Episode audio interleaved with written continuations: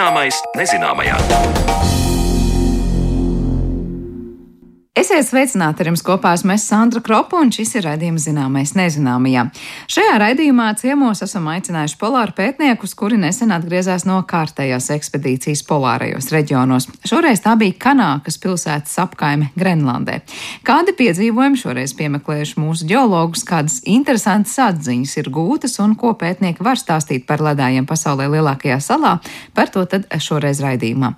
Taču pirms pievēršamies planētas leduskapim, pakavēsimies planētas siltumnīcā un uzzināsim par ekspedīciju uz ļoti siltu eksotisku reģionu. Panama ir valsts centrāla Amerikā un to raksturo tropu meži ar lielu sugu daudzveidību. Pirms dažiem gadiem tur bija devusies arī Latvijas zinātniece, lai pētītu dzīvību uz tropu koku lapām. Iegūto datu ir tik daudz, ka tos varētu turpināt analizēt arī šobrīd. Kāds bijis pētnieku uzdevums un sasniegtie rezultāti, un kāpēc šādas eksotiskas ekspedīcijas ir nepieciešamas, par to plašāk Marionas Baltkalnas veidotajā stāstā.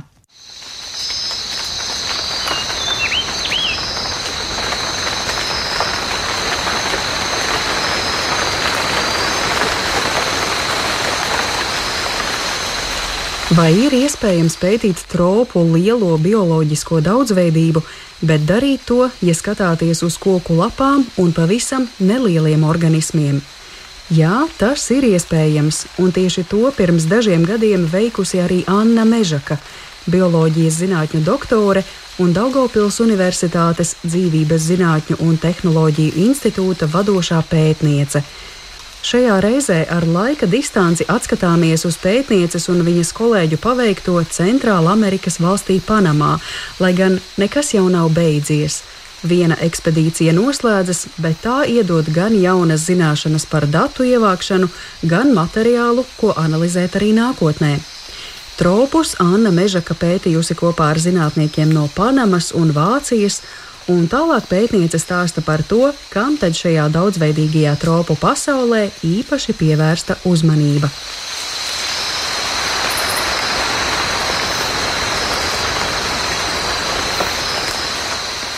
Šī ekspedīcija, kur mēs tātad veicām pētījumu no 2016. līdz 2018. gadam, bija ar mērķi skatīties tieši tādus mazus, sīkus, bet ļoti interesantus organismus, ko mēs saucam par epifiliem, kas aug uz koku un krūmu lapām. Un tā kā tie ir tropi un šie ekoloģiskie procesi dzīvajām būtnēm, organismiem notiek ātri, daudz ātrāk nekā šeit Eiropā vai Latvijā, tātad mums bija mērķis skatīties šo organismu dinamiku un atbildēt jau uz tādiem lielākiem, fundamentāliem ekoloģijas zinātņu nozares jautājumiem. Mazliet vairāk par tiem epifiliem. Es uzreiz iedomājos, ka tie ir varbūt ķērpji, sūnas vai cita veida organismi. Ko tie dabā veids, kādu ekoloģisko funkciju? Epifili ir tie visi organismi, kas dzīvo uz lapas sākot no mikroorganismiem, baktērijām, sūnas, lielā mērā sūnas ir epifili ķērpji, aļģes, Epifili ir šie maziņie organismi, kas nav uh, ziedaugi, bet kas aug uz šiem vaskulāriem augiem. Uh, ja mēs runājam par augiem, tad uh, sunas ir augi, tā kā visvecākie augi, bet tie nav ziedaugi. Bet, uh, šajā gadījumā šie ziedaugi ir tā kā saimnieka koki, saimnieka krūmi, uz kuru lapām tātad ir šie epifili. Un, teiksim, uz vienas lapas ir pētījumi, kad ir nu, vairāk kā desmit aknu sūnas, tad var būt desmit sugas Vai ir pat pētījumi, kuros, ja runā par ķērpiem, ir pat vairāk kā simts ķēpju sugas uz vienas lapas. Un tā kā tās ir tādas interesantas un salīdzinoši mazas sabiedrības, maz ir zināms par to funkciju un maz ir zināms arī par šo organismu tādām savstarpējām miedarbībām un konkrētu datu, kas liecinātu par vienu vai otru tīri tādu stingru ietekmi mums nav. Bet mūsu pētījums bija vairāk nevis noskaidrot labums pašai lapai, bet mēs pētījām epifilu dinamiku, Tātad, eh, kā notiek šīs eh, attiecības starp eh, šiem maziem organismiem, sūnām un ķērpiem. Jo pasaulē mēs zinām, ka lielākā bioloģiskā daudzveidība ir tieši tropu ekosistēmās, un notiek ļoti daudz pētījumu par to, kas varētu būt šie parametri un šie procesi atbildīgi, kāpēc ir šī lielā bioloģiskā daudzveidība tropos, un vēl joprojām nav skaidru atbilžu. Un šie pētījumi balstās uz tādiem lieliem augiem, ziedaugiem, uz lielām šīm ekosistēmām, bet tajā pašā laikā tas aizņem ļoti daudz laika, gadu desmitus, lai līdz nonāktu pie kādiem rezultātiem, kāds ir teiksim, pētnieka mērķis. Bet Mūsu gadījumā mēs skatījāmies tādas, varētu teikt, miniatūriskas sabiedrības. Tātad mēs ievācām principā šos datus gada laikā. Mēs arī tātad varējām atbildēt uz jautājumiem, kādi procesi ir atbildīgi par sugu līdzās pastāvēšanu, kāda tad ir šī daudzveidība uz lapām. Un šeit jāmin tieši sūnas, un arī ķērpi ir izcili modeļu organismi šādiem pētījumiem. Mm. Tie ir daudz mazi, aug ātri, eh, nekā salīdzinājumā ar lielu ziedaugu, kas varbūt jums arī iedot informāciju par eh, bioloģiskās daudzveidības dinamiku, bet tad jums būtu ilgi jāgaida, kamēr viens ziedaugs eh, izaug. Tieši tā, jā, jo teiksim, tajā vietā, kur mēs pētījām, tad mēs pētījām Barro Colorado salā, kur notiek gadu desmitiem šie pētījumi par bioloģisko daudzveidību, tiek pētītas ļoti plaši liānas un citi šie augi. Tur tiešām ir nepieciešams ļoti liels šīs datu kopas, un tā teikt, mūsu gadījumā mēs varam uz līdzīgiem jautājumiem atbildēt mazākā mērogā. Un, protams, kad jāteic, ka tas nav vienkārši, ir jāatpazīst šos mazos organismu grupas, ja mēs mēs skatāmies uz lieliem augiem, vai uz orhidejām, vai uz lielākiem augiem, vai uz kokaugiem, protams, ka tos ir vieglāk atšķirt. Bet šajā gadījumā, ja mēs paskatāmies mazu lapu, kas ir 2,5 cm izmērā, un skatīties, kas uz viņas vēl aug, tas ir darbs, kas prasa pacietību. Mūsu gadījumā mēs veicām fotofiksāciju, kur mēs tās pašas, vienas un tās pašas lapas ar šiem epifiliem, kuras sastādīja pārsvarā sunas un ķērpi. Tātad mēs veicām fotofiksāciju četras reizes gadā. Līdz ar to mēs varējām skatīties, tātad, kā notiek šo epifilu, mazo epifilu sabiedrību izmaiņas. Un bieži vien ja mēs paņemam tādu vecāku lapu un skatāmies tā no plika, bet uz lapas virspuses pat vērojams ir tādas struktūras kā kādam varētu teiksim, veidot asociācijas ar pasaules karti, jo ir daudz dažādi punktiņi, līnijas un dažādi veidojumi, kurus veido pārsvarā šīs sūnas un ķērpji. Es tieši gribēju jautāt par metodi, kādu jūs lietojāt darbā, un jūs jau to nosaucāt, bet, lai iedotu klausītājiem tādu sapratni, kā tas aptuveni izpaužas, jūs uzturaties tropu mežā, jūs vērīgi ar acīm raugāties uz lapām, lai šos mazos organismus ieraudzītu, tad fotografējat, un tad droši vien šīs fotogrāfijas aplūkojat vēl kādā daudz, daudz lielākā palielinājumā. Vai es esmu aptuveni pareizi to iezīmējusi? Pilnīgi pareizi. Jā. Tātad eh, mēs veicam fotofiksāciju. Mums ir eh, vajadzīgs fotoaparāts ar eh, labu izšķirtspēju, un tālāk mēs arī digitalizējam un digitāli ar dažādām datu apstrādes programmām arī apstrādājam šos datus. Bet jāteic gan, ka pats šis sākums šo digitālo fotografiju apstrādē ir arī nepieciešams darbs manuāli, respektīvi mums bija jāveic tātad ar roku, jāizzīmē katrs šis tāds kā laukumiņš vai mazā platība katram organismam. Teiksim, vai tā bija sūna, tad mums ar roku jāzīmē uz šīs uh, konkrētās digitālās fotogrāfijas, vai konkrētais organisms ir ķērpis.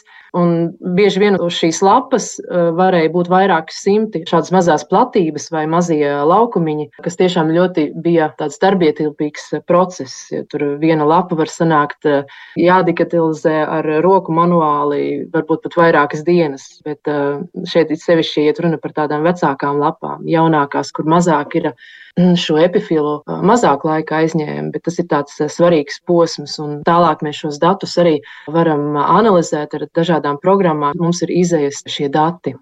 Darbs bijis ilgs un prasījis lielu pacietību, tāpēc pētniecei jautāju par adaptāciju tropiem, proti, vai pielāgoties klimatam bijis viegli, un vai arī tas prasīs kādus sagatavošanās darbus.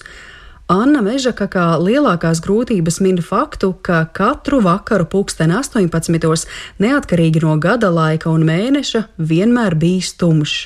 Tomēr, atbilstoši tam, tad arī plānoti lauku darbi. Tālāk par dažiem pētnieku secinājumiem. Pētot vienlaikus dažādu vecumu augu lapas, redzams, ka epifilu sugas sastopamas kā uz vecākām, tā jaunākām lapām. Tā tad nenotiek klasiskā sukcesija, kad augu sabiedrības nomainītos laika gaitā. Tieši pretēji, tās uzkrājas un nāk tikai klāt jaunas. Otrs pētāmais virziens bijis saistīts ar epifilu telpisko struktūru, un te pavisam vienkārši var teikt, ka dzīve uz vienas lapas mēdz būt ļoti sarežģīta. Lapu var apdzīvot tikai viena organismu grupa, piemēram, sūna, bet uz tās var būt arī vairākas organismu grupas, proti, sūnas un ķērpji, un attiecības starp šiem organismiem var būt dažādas. Starp vienām sūnu un ķērpju sugām var veidoties konkurence par telpu uz auga lapas, un, ja, piemēram, ķērpis jau aizņēmis platību, tad sūnai tur vairs vietas nebūs. Bet var būt arī citādi, kad organismi viens otram var palīdzēt, un par to turpina Anna Mežaka.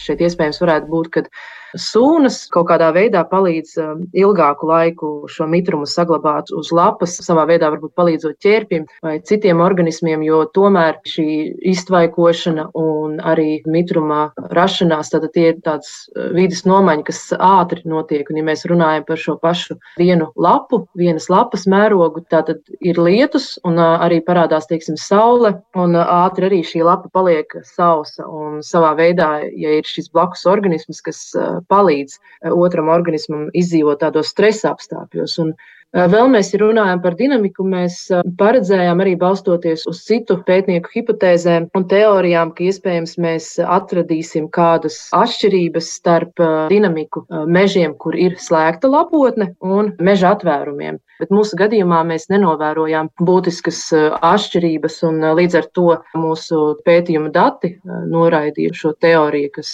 ir atrasta citiem organismiem, un, un tāpēc ir ļoti svarīgi pētīt dažādu grupu organismus, un bieži vien zinātnieki paļaujas tikai uz vienu organismu grupu vai uz vienu sugu un mēģina šos rezultātus vispārināt, un tas bieži vien noved pie nepareizas izpratnes vai priekšstatiem, un tāpēc ir nepieciešams nepieciešams šis plašāks skats, ko liecina um, dažādi organismi.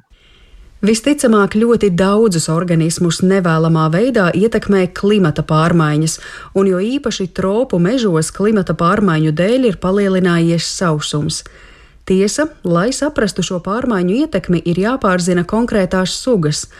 Anna Mežaka min, ka sugu izpēte tropos ir visai ierobežota, tāpēc mums trūks zināšanu, un mēs līdz galam pilnībā nezinām, kāda šī bioloģiskā daudzveidība tropos īsti ir. Bet skaidrs ir tas, ka klimata pārmaiņas dabā izjauc līdzsvaru, un, ja tas notiek, tad tas ietekmē visus organizāciju līmeņus, no ģenētiskā līdz pat veselam ekosistēmu līmenim. Pašlaik kopā ar kolēģiem Latvijā pētniece analizē sūnas un ķērpjus lapu koku mežos, un tam lieti nodara arī Panamā gūtā pieredze. Ja mēs atgriežamies par pētījumu Panamā, tad vēl joprojām mums ir ļoti daudz datu iegūti šajā laikā, un mums ir arī vairākas domas, kā tur turpināt šos datus analizēt. Tur ir darbs vairākiem gadiem arī no šiem ekspedīcijā iegūtajiem datiem, jo digitālo fotografiju ir ļoti daudz, tie ir vairāki tūkstoši, un iespējams šeit arī būs nākotnē vēl kāds pētījums, bet ja mēs runājam vēl braukšanu uz tropu mežiem, es domāju, ka arī tas nākotnē varētu notikt. Tā kā jūs no savas puses droši vien jaunos zinātniekus varat tikai aicināt izmantot šādu iespēju doties ekspedīcijās, kas iedod ne tikai jaunu pieredzi, esot citā vietā, bet arī jaunas, varbūt, prasmes metožu izmantošanā. Jā, es varu tikai iedrošināt jauniešus vairāk izmantot iespējas un iegūt pieredzi, un vairāk nevis palikt tur ārzemēs, bet atvest šeit mums uz Latviju. Un tādā veidā mēs varam arī palielināt šo zinātnisko potenciālu, kas mums ir Latvijā.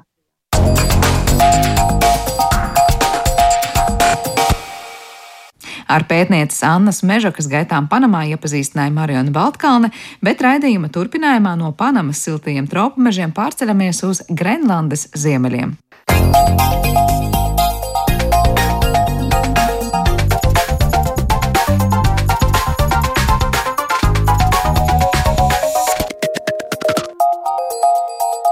Zināmais nezināmajā.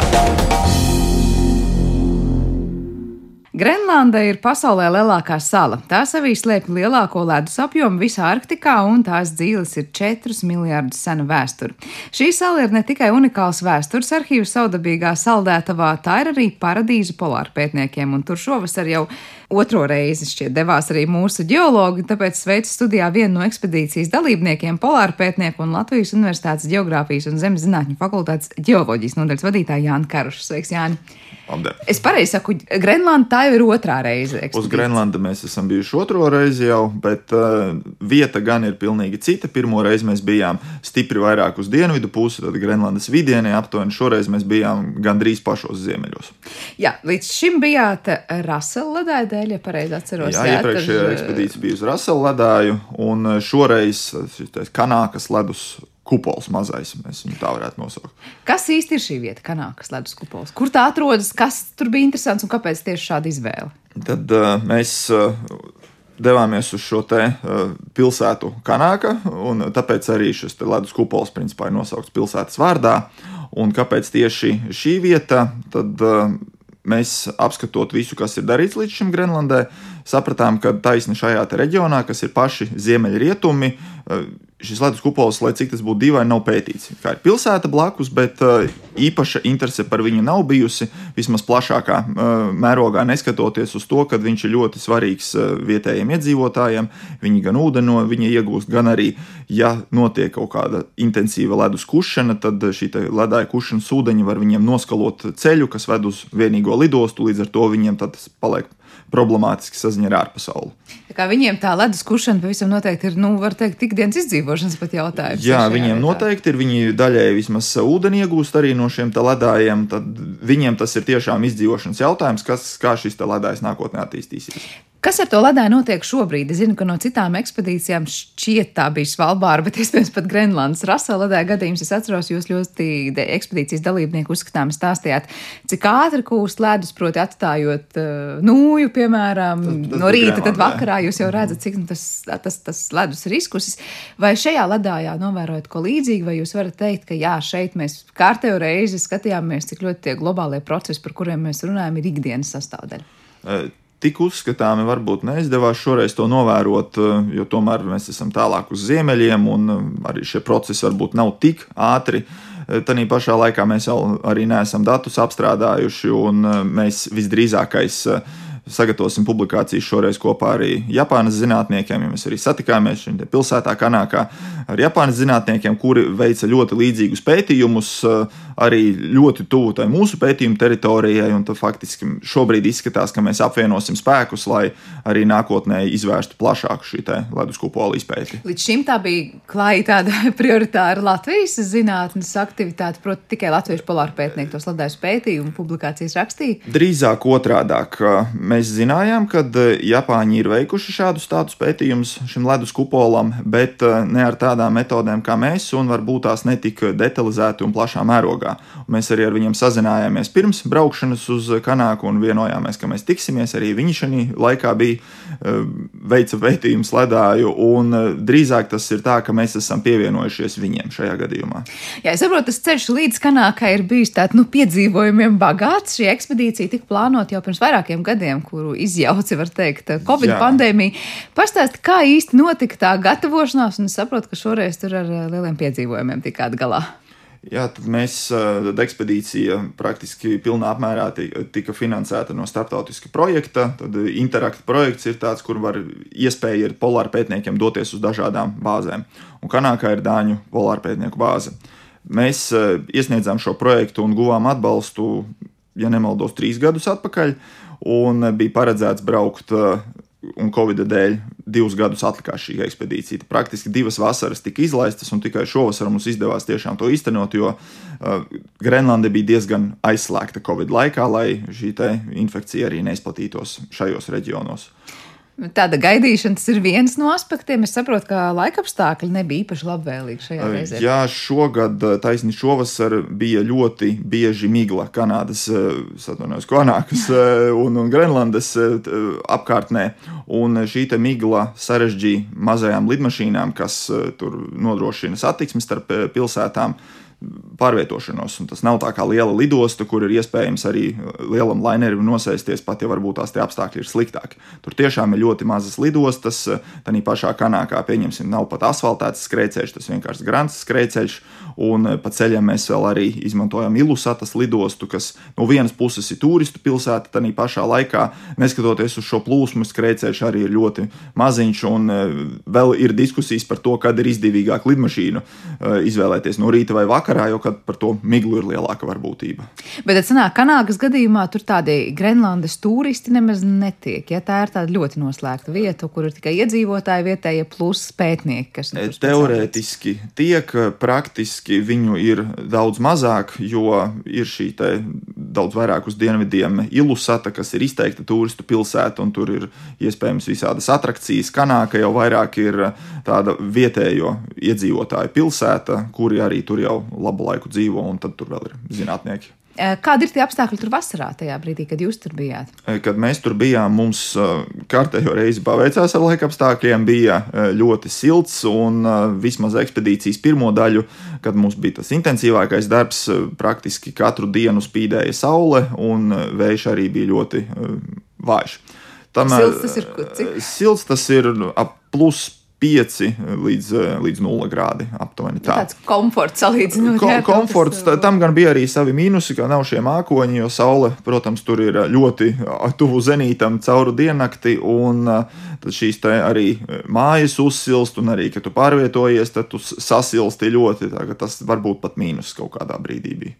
Bet tādos normālos apstākļos tai vasarai tur būtu jābūt tā kā netik saulainai. Netik saulainai, stipri vējainākai un mākoņainākai, ko mēs arī izbaudījām ekspedīcijas noslēgumā, taisni, ka tojās prom aizlidošana, kas arī radīja problēmas. Mēs tā teikt, knapi, knapi tikām projām, jo vējš jau bija ap 20 m2 regulāri, un jau tas bija uz robežas, lai šīs avio pārvadājumi vairs nenotiktu.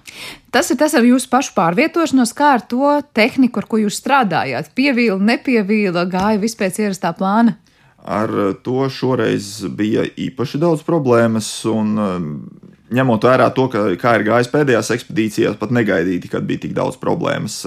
Viss sākās jau ar to, ka pirmajā dienā mēs veicām tikko atbraucot testa lidojumus, gan ar dronu, gan arī testējām ģeoradaru un mēs uh, sapratām, ka drons reizēm kļūst nekontrolējams.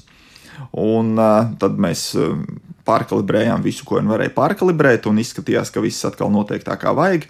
Bet uh, otrajā dienā, dodoties jau reāli veikt mērījumus, uh, vienā misijā drons pacēlās un lēnām sāka arvien haotiskāk lidot, līdz beigās viņš nokrita. Mēs arī šobrīd jau esam aizsūtījuši viņu atpakaļ pie ražotāja, lai noskaidrot, kas tad bija par vainu. Un, uh, Atbilde ir tāda, ka mēs neesam vainīgi, un kāpēc tieši viņš nokrita vainu, tas bija ar pašu konkrēto iekārtu problēmas, vai arī magnētiskais lauks tomēr tur ir uh, diezgan vertikāls. Tad, tad viens no šiem iemesliem.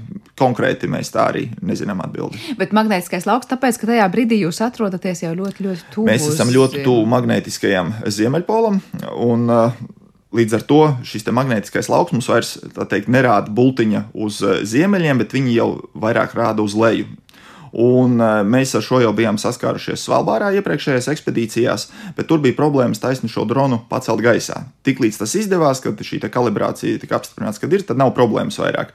Šoreiz nebija problēmas pacelt gaisā, bet tajā brīdī, kad viņš lidoja, tad viņš uh, nokrita tajā brīdī, kad eh, ekspedīcijā ir nokritis drons, un es pieņemu, tas notika sākumā, tas notika beigās, pašā sākumā. Pašā sākumā tātad, ko tas nozīmē tālāk? Nu, puse no darba vienkārši netiek veikta? Mūsu gadījumā es teikšu, puse nē, bet aptuveni 30% tad uh, uzreiz atkrita. Tanī pašā laikā, uh, laikam par laimi, mēs uzsākām šo komunikāciju ar Japāņu zinātniekiem, un uh, viņi bija paņēmuši dronu, un tas bija nedaudz senāks modelis, tā, tā, tā paša tipa drons.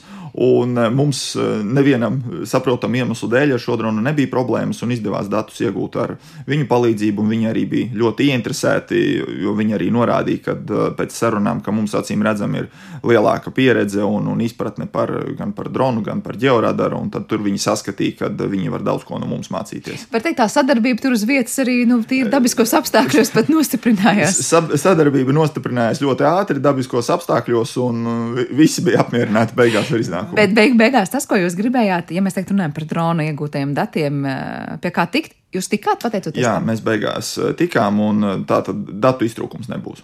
Tas ir, protams, liels solis uz priekšu, lai tā varētu teikt, ekspedīcija tiešām ir bijusi veiksmīga. Kas ir tie dati, ko jūs ar dronu ieguvāt un ko jūs tālāk ar tiem darīsiet? Mm, diezgan līdzīgi kā uh, iepriekšējās ekspedīcijās, mēs ar dronu mēģinām rekonstruēt šo ledāju virsmu. Tad kāds ir šis ledāja virsmas topogrāfija, un lai mēs varētu nākotnē veikt monitoringu un salīdzināt, kā ir, pieņemsim, šogad bijis tas ledājs, cik liels un cik kā viņš samazinās laika gaitā.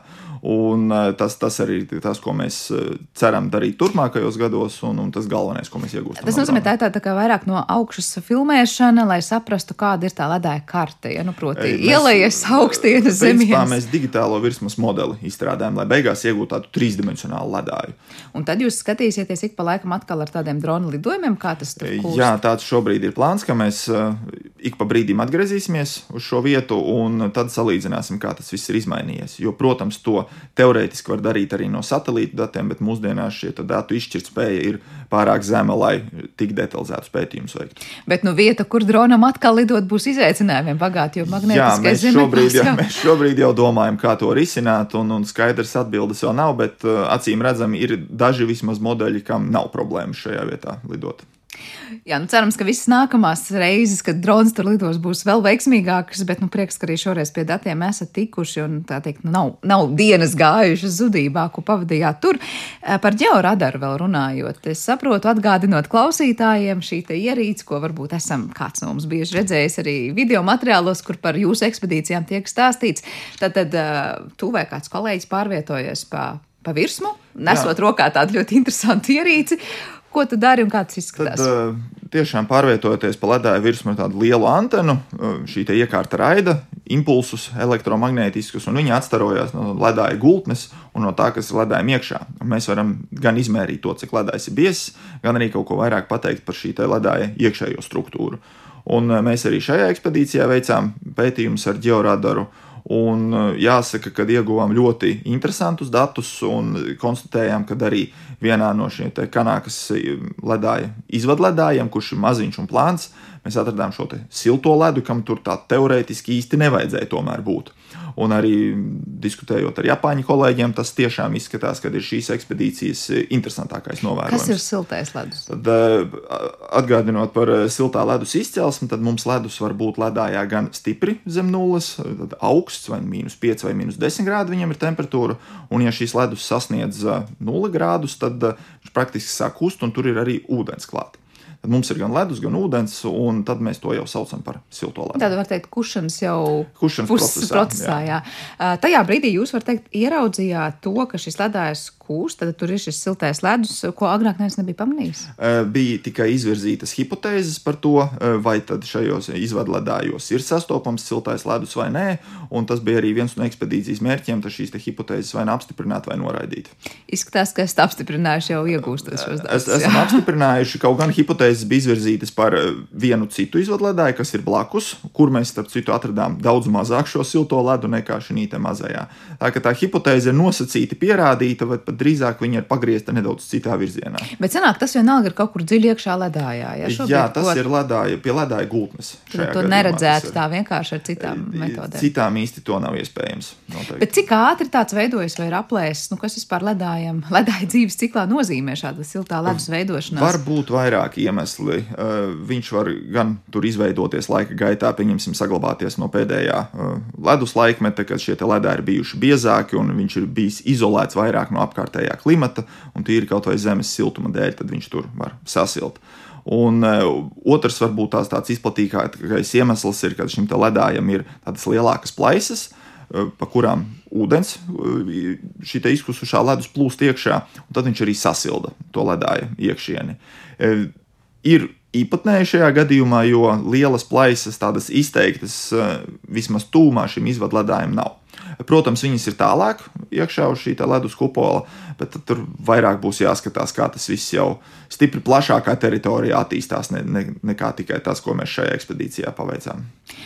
Bet sanāk, ka ar to ģeoradaru jau fiziski ir jāpārvietojas tieši tajās vietās, kur jāmēra jā, zem kājām. Jā. Tas nozīmē staigāt arī pa tādām bīstamām vietām, plaisām. Un... Šī ekspedīcija bija salīdzinoši mierīga, ja mēs skatāmies uz šiem jautājumiem, jo ledāji bija tiešām bez plaisām. Un bija tikai uz viena no izvadu ledājiem, ko mēs pētījām, tāds lielāks kanjons, kur ir iegrauzusies tā virsledāja upe, bet citādā ziņā ledājiem plaisas praktiski nebija novērojams. Vismaz vietās, kur mēs darbojamies. Bet ir iespējama situācija, ka liekas, ka tur nebūs tās ledājiem plaisas. Nu, es nezinu, pirms tam veicot to izpēti kaut kādu un saprotot, uz kurien būs jādodas. Un tikai tad, nonākot uz vietas, eh, ejot ar to georadaru, kas, es pieņemu, nav jau sevišķi ērts pasākums, sanāk pēkšņi ieraudzīt, ka oh, tur priekšā ir ledus plaisa. Tā praktiski ir vienmēr. Pirms mēs dodamies, mēs vienmēr prognozējam jau, kur varētu būt problēmas. Un, eh, bet, nu, ņemot vērā to, ka šiem satelīta datiem tā izšķirtspēja ir tāda, kāda viņi ir, tad tādas plaisas, kas cilvēkam jau ir nopietna lieluma, mēs tomēr nevaram visas saskatīt no satelīta uh, datiem.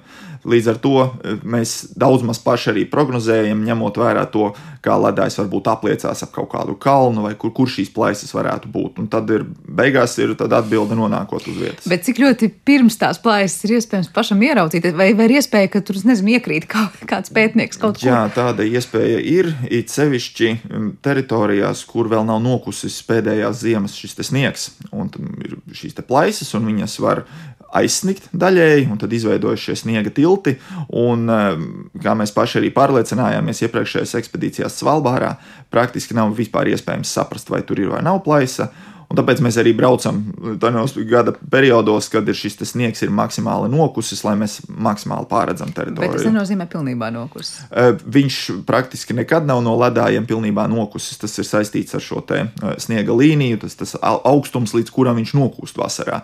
Šajā gadījumā visi ledāji bija pilnībā nokusuši. Jā, nu skaidrs te ir viens, ka polāra pētnieka darbs ir ļoti, ļoti tāds, nu, bīstams, teikšu, riska, riska augsts pakāpes. Eh. Es, es neteikšu, ka tas ir pats bīstamākais, ko var darīt, bet uh, zināms riska līmenis ir. Vienmēr tātad.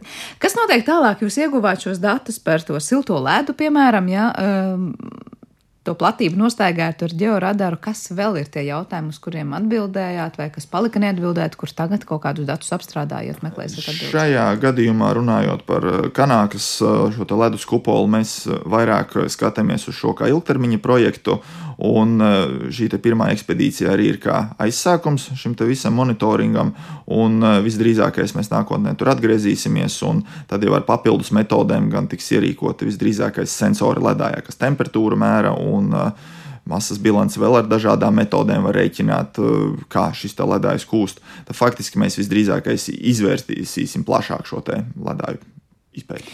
Ja šobrīd ir iegūta tāds varbūt muļķīgs jautājums, dati, kas liecina, nu, kūst tas ledājs. Mēs redzam, ka tur ir gan tas siltais ledus, labi, tur bija tās hipotēzes, varbūt tas no seniem laikiem palicis, bet, piemēram, arī vienkārši pārlidojot pāri, jūs sapratīsiet, ka gada no gada nu, mainās. Un, man liekas, mēs daudz runājam par to, ka ledāja kūst.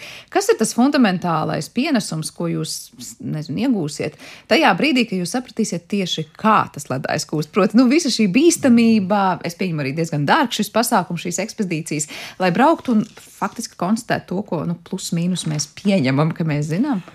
Jā, mēs plus mīnus ir skaidrs, ka šie ledāji kūst. Un varbūt tās viens no virzieniem, kur mēs plānojam doties nākotnē, ir nedaudz vairāk attīstīt to zinātnes daļu, kas ir saistīta ar satelītu izmantošanu.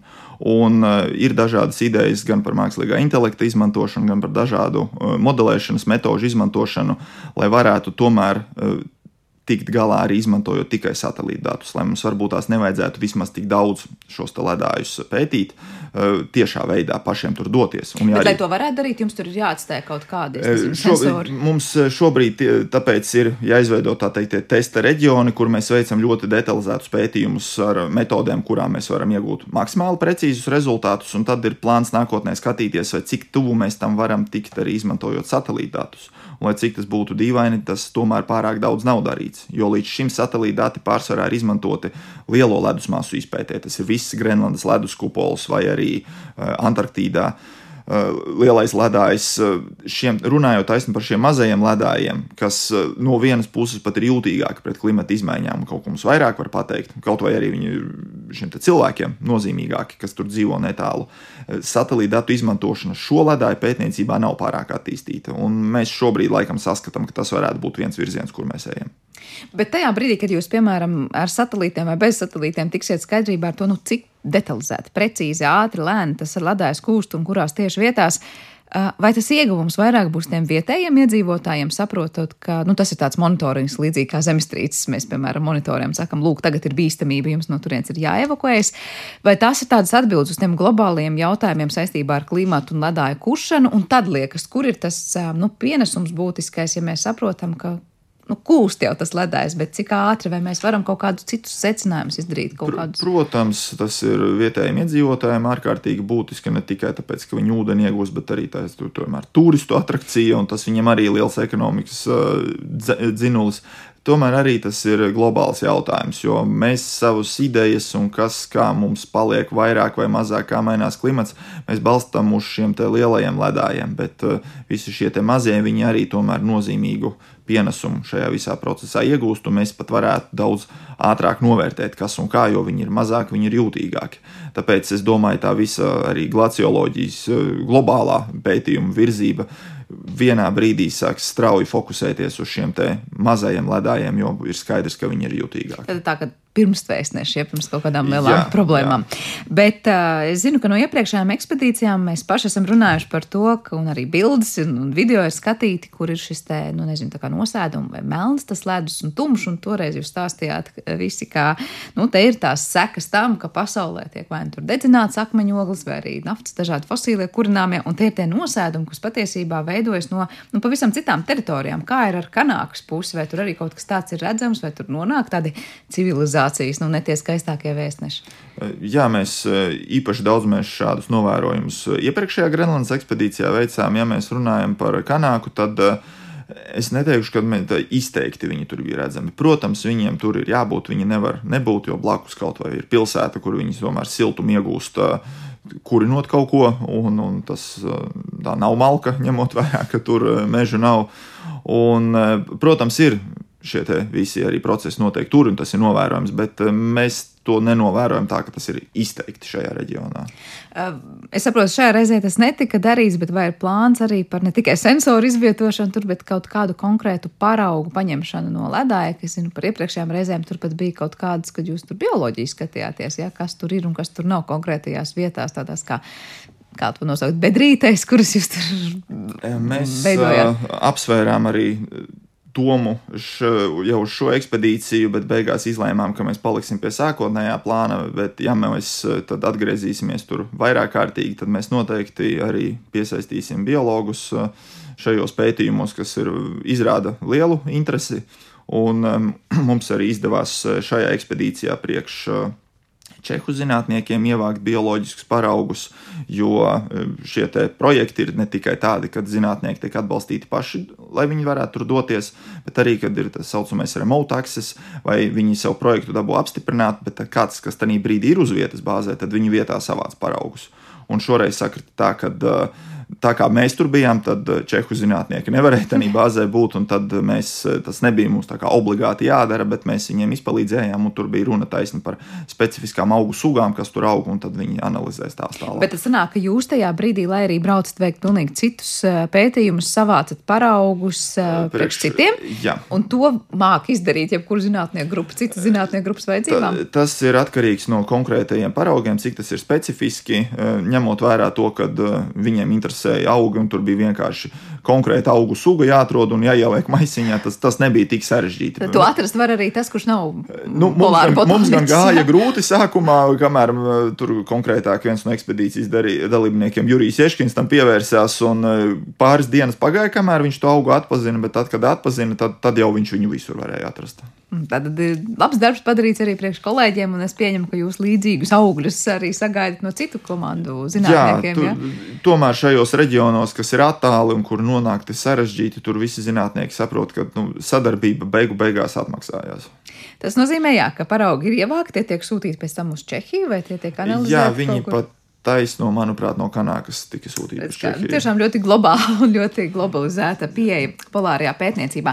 Runājot par jūsu pētījumiem, kas notiek tālāk, līdzīgi kā iepriekšējās reizēs, es saprotu, paraugi ir, ne, jums paraugi šoreiz nav atvesti, bet dati ir atvesti. Tālāk tie šeit pat uz vietas Latvijā tiek analizēti kaut kādu laiku. Es nezinu, cik ilgā laikā jūs vēl apstrādāsiet. Mēs vēl darbosimies ar šiem datiem, ņemot vērā, ka šo, šobrīd jau ir šīs publikācijas visdrīzākais būs būs jau starptautisks uh, rezultāts, tad uh, mēs vēl mēģinām koordinēt darbību ar uh, Japānas zinātniekiem. Viņi gan izteica vēlmi doties pie mums, tad uz Latviju, un tad kop, kopistiski darboties ar šiem datiem. To mēs vēl mēģinām atrisināt, kāds būtu labākais variants. Bet tādus kaut kādus secinājumus un publikācijas mēs gaidām kad?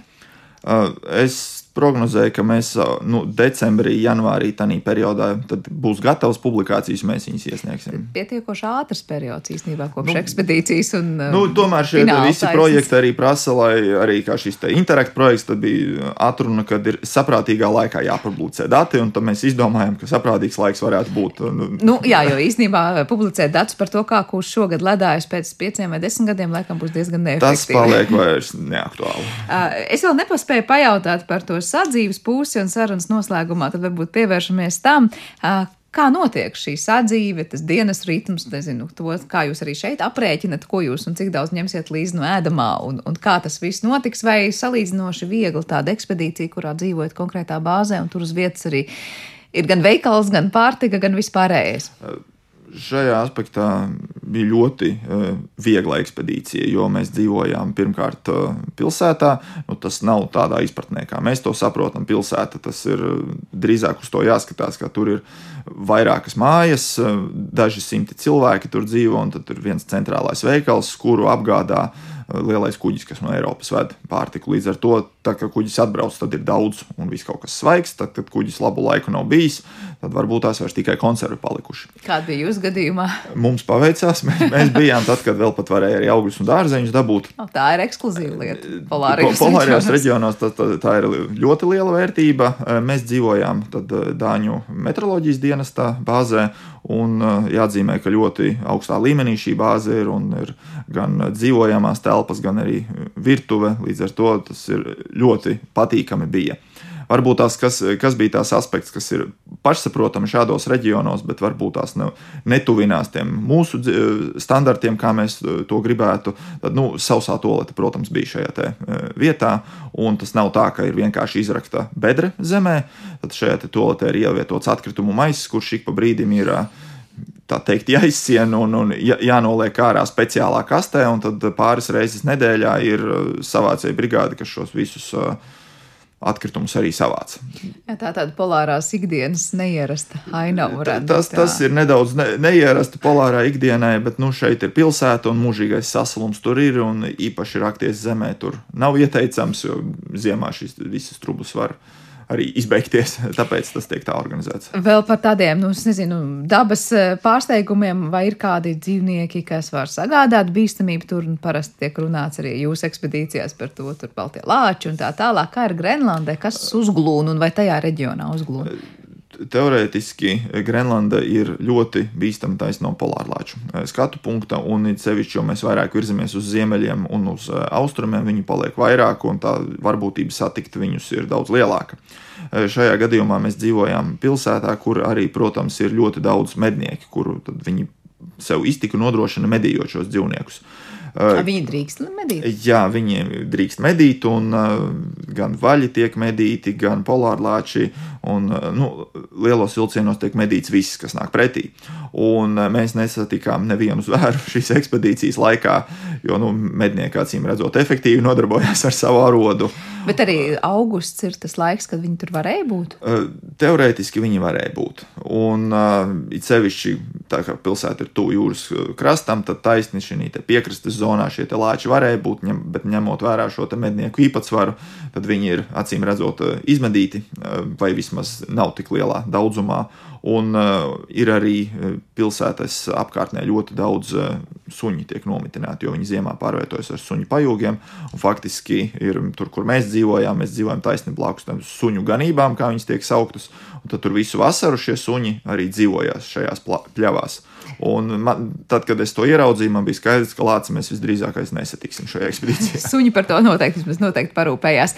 Bet eh, tajā brīdī, kad jūs ejat pa ledāju ar georadaru, ar droniem dodaties lidot, tā dienas, nu, nezinu, laikā nostaigātie kilometri ir, nezinu, tālu prom no tās pilsētas, vai tā ir tāda, nu, būšana apmēram turpat, un nav tā, ka jūs aizejat, un, es nezinu, jādomā, kā jūs tiksiet atpakaļ, un vai tiksiet tajā pašā dienā atpakaļ. No vienas puses attālums nebija liels, ja nemaldos, kādi 5 km vai 4 līdz eh, pašiem ledājiem.